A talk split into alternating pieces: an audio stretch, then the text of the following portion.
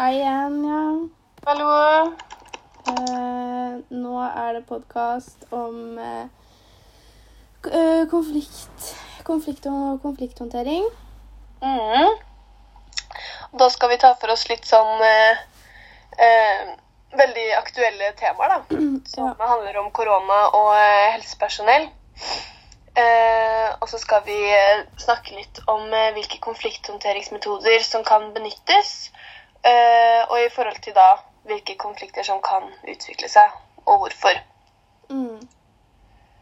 Så eh, vi kan jo starte med at eh, vi har helsepersonell som blir bedt om å komme på jobb til tross for at de sitter i karantene pga. mulig smittefare. Ehm, ja, her er det jo litt forskjellige konflikter som kan eh, oppstå. Men jeg tenker at det første poenget her, da, det er jo at eh, karantene har vi fordi vi ikke har kapasitet til å teste alle, og dermed settes de i hjemmekarantene for å i hvert fall sikre eh, at det ikke skjer noe smitte herfra. da. Eh, fordi man kan jo også eh, være bærer uten å få symptomer. Og da kan man ikke ta det som en retningslinje på om man eh, burde holde seg inne eller ikke. Er man i karantene, så burde man være i karantene, liksom. Mm. Eh, men på den andre siden, eh, dersom det ikke har blitt testet, så er det jo mulig at eh, du ikke har det. Det er jo egentlig 50-50 om du har det eller ikke har det, med tanke på symptomer og hvordan, eh, hvordan situasjonen er, da. Mm.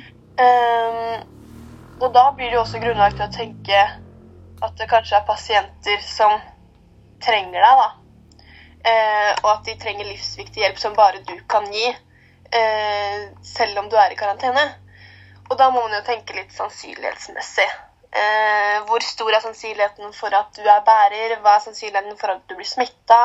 Hva er sannsynligheten for at pasienten har, eh, får mer ut av at du gir hjelp, kontra om du får mer Eller om det blir dårligere, da, at du gir hjelp. Eh, og da må vi liksom se hvordan det veier opp, da. Så da eh, er jo dilemmaet om man skal dra for å hjelpe de som trenger det mest, selv om det er en mulighet for at man har viruset og kan videreføre smitte. Um, og da må man ta stilling til om man skal risikere noens liv fordi man eh, ikke hjelper til med det man kan, eller om man eh, skal ta sjansen på at man ikke er smittet, og dermed kanskje redde noens liv, da. Og det er jo det det går mye ut på her i Norge, fordi vi har mangel på, eh, på hjelp og ressurser. Så det oppstår eh, bl.a. en behovs- eh, og interessekonflikt. Eh, fordi vi har for lite av noe som flere ønsker seg og har behov for, da f.eks. legehjelp. Og dette må som regel eh, løses med om man inngår promisser. Og i dette tilfellet kan det f.eks. være å motta hjelp fra en som er eh, mulig smittebærer. Da. Og da kan dette igjen føre til eh, en verdikonflikt, da man kan være, oppstå uenigheter rundt det at man mottar forskjellig behandling osv. Um, og så i tillegg oppå det her, så er det jo en annen eh, konflikt som kan eh, kan komme, og det er rollekonflikt i forhold til de som da må jobbe, og også da kanskje har små barn hjemme da, som må være i karantene. Da må du skille mellom hva, om du skal være lege, eller om du skal være eh, mamma eller pappa som passer på barnet sitt Mm. under en epidemi. Pandemi, faktisk. Mm. Ja.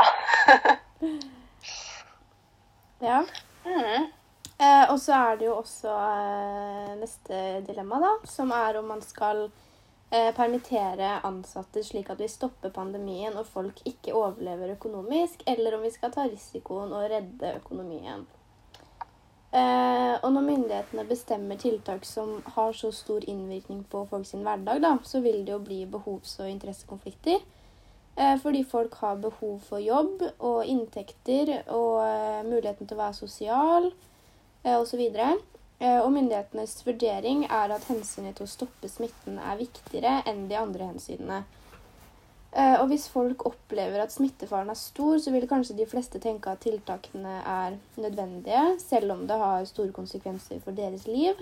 Eh, men hvis folk opplever at konsekvensene for dem selv er så store at det kanskje ikke er verdt det, da, at de ikke tenker at trusselen av korona er så stor for akkurat de, fordi de kanskje ikke er i risikogruppa pga. alder osv., så, videre, så kan det jo føre til en konflikt. Um, og det kan jo være mellom eh, deler av befolkninga, de som kanskje mener det her, og myndighetene. Eh, eller f.eks. ansatte da, og ledelsen på en arbeidsplass som eh, ser seg nødt til å permittere de ansatte. Mm. Eh, og så kan vi også stå overfor en verdikonflikt, eh, der hensynet til menneskeliv er en verdi, og hensynet til økonomisk stabilitet, eh, arbeidsplasser osv. er en annen. Og når det skal vurderes da hvilke tiltak som skal settes inn, da, så kan det være hensyn som må veies opp mot hverandre. Og det kan jo oppstå konflikter hvis f.eks. noen mener at økonomiens skyld at det for økonomiens skyld er bedre med tiltak som fører til at pandemien raskere går over, selv om de tiltakene da fører til at noen flere menneskeliv går tapt. Og det er jo ikke noe fasit på, på måte, hvordan man skal håndtere sånne her konflikter. Eh, men jeg tenker jo at eh, det er viktig å finne kompromisser. da. Eh, at man veier de ulike hensynene opp mot hverandre. At man f.eks. Man kan jo ikke låse inn eh, hele befolkninga. Man må jo ta hensyn til at folk trenger lønn, og folk trenger mat, og trenger å være sosiale og sånn, da. Eh, og det gjelder jo også de ulike politiske partiene, eh, for de er jo uenige også i sånne her situasjoner. Og man finner Eh, det er viktig at man finner kompromisser. sånn at Stortinget og regjeringa kan ta avgjørelser. da.